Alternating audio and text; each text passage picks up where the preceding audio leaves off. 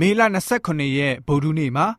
လေ့လာသွားမယ့်ဥပုသ္စာဖြစ်တဲ့ငန်းစာရဲ့ခေါင်းစဉ်ကတော့ဖန်ဆင်းခြင်းနဲ့အချိန်ကာလဖြစ်ပါတယ်။ကပောက်ကျန်ခန်းကြီး9ကနေ17ထိကိုဖတ်လိုက်တဲ့အခါမှာအာဒံကနေနောအေးအချိန်ထိအကြောင်းအရာတွေကိုရေးသားထားတာတွေ့ရမှာပဲဖြစ်ပါတယ်။ကပောက်ကျန်ခန်းကြီး9ကနေ17ကိုဖတ်လိုက်တဲ့အခါမှာအဲ့ဒီထဲမှာဆိုရင်ဆွေစဉ်မျိုးဆက်စရင်တွေပြီးတော့အချိန်ကာလအကြောင်းတွေပါဝင်တာကိုတွေ့ရမှာဖြစ်ပါတယ်။ကျမ်းစာလေ့လာတဲ့သူတွေအတွက်မှန်ကန်တဲ့မျိုးစဉ်ပေါင်ဆက်စရင်ကို တွေ့ရမှာပဲဖြစ်ပါတယ်။အဲ့ဒီထဲမှာမှအချိန်ကာလရဲ့အတိုင်းအတာတွေတစ်ခုနဲ့တစ်ခုကြားချိတ်ဆက်ပြသထားတာတွေ့ရမှာပဲဖြစ်ပါတယ်။ပုဂ္ဂိုလ်တဦးဟာအသက်နှစ်ဘလောက်ရှိပြီးတော့သားကိုမြင်ရတယ်။အဲ့ဒီသားကိုမြင်ရပြီးတဲ့နောက်မှာအဲ့ဒီပုဂ္ဂိုလ်ဟာအသက်ဘလောက်ဆက်လက်အသက်ရှင်ခဲ့တယ်။စတဲ့မျိုးရိုးစင်ဆက်စရင်ကိုအချိန်ကာလနဲ့တပါတဲ့ရေးသားပြုစုထားတာကိုတွေ့ရမှာပဲဖြစ်ပါတယ်။အခြားသားသမီးတွေကိုလည်းပဲဖွားမြင်ခဲ့သေးတယ်လို့လည်းပဲအတိအကျမှတ်သားထားတာကိုလည်းပဲတွေ့ရမှာဖြစ်ပါတယ်။ ကပောက်ကျန်ခန်းကြီး9ကအညွှန်းစာပိုက်တစ်ခုကိုထပ်မံပြုစုပေးထားတာကတော့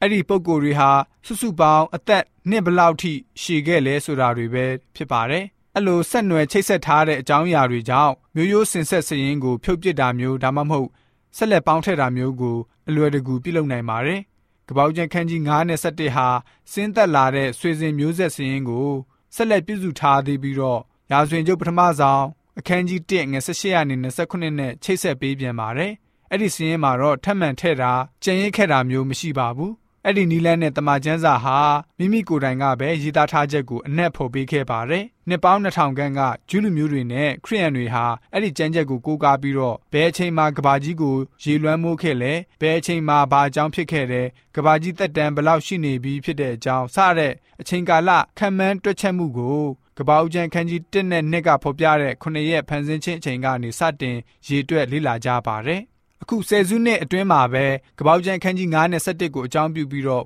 ပုံမရှည်လျားကြညောင်းတဲ့ခစ်တွေကိုပြန်ပြီးတော့အနက်ပြန်အမွှန်းတင်ချင်လာကြပြန်ပါတယ်။မှားယွင်းတက်တဲ့လူသားတွေဖြစ်တဲ့ရှေးဟောင်းသူတေတီတွေ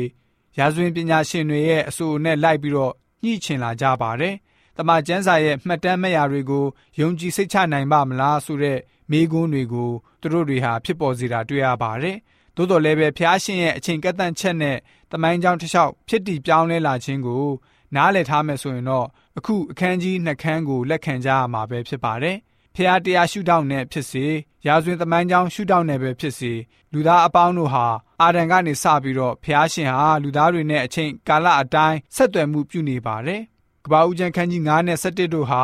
ဖျားသခင်ဆိုလို့ရှိရင် 6ရက်အတွင်းမိမိရဲ့ဖန်ဆင်းခြင်းအရာကိုဒီကဘာပေါ်မှာပြုတော်မူပြီးတော့နောက်ဆုံးလူသားကိုဖန်ဆင်းပြီးတော့အချိန်ကာလကိုစတင်ရေတွက်ဖို့သတ်မှတ်ပေးထားတယ်ဆိုတာကိုတွေ့ရမှာပဲဖြစ်ပါတယ်။ဒါကြောင့်ဓမ္မဟောင်းကျမ်းမှာရေးသားထားတဲ့ခုနကကျမ်းချက်တွေဟာအလွန်ကောင်းတဲ့အရေးကြီးတဲ့အကြောင်းအရာတွေပဲဖြစ်ပါတယ်ဆိုပြီးတော့ဖန်ဆင်းခြင်းနဲ့အချိန်ကာလအကြောင်းအရာကိုသိစေဖို့အတွက်ဗုဒ္ဓနဲ့ဥပု္ပ္ပစာဖြစ်တဲ့ငန်းစာကဖော်ပြထားပါတယ်။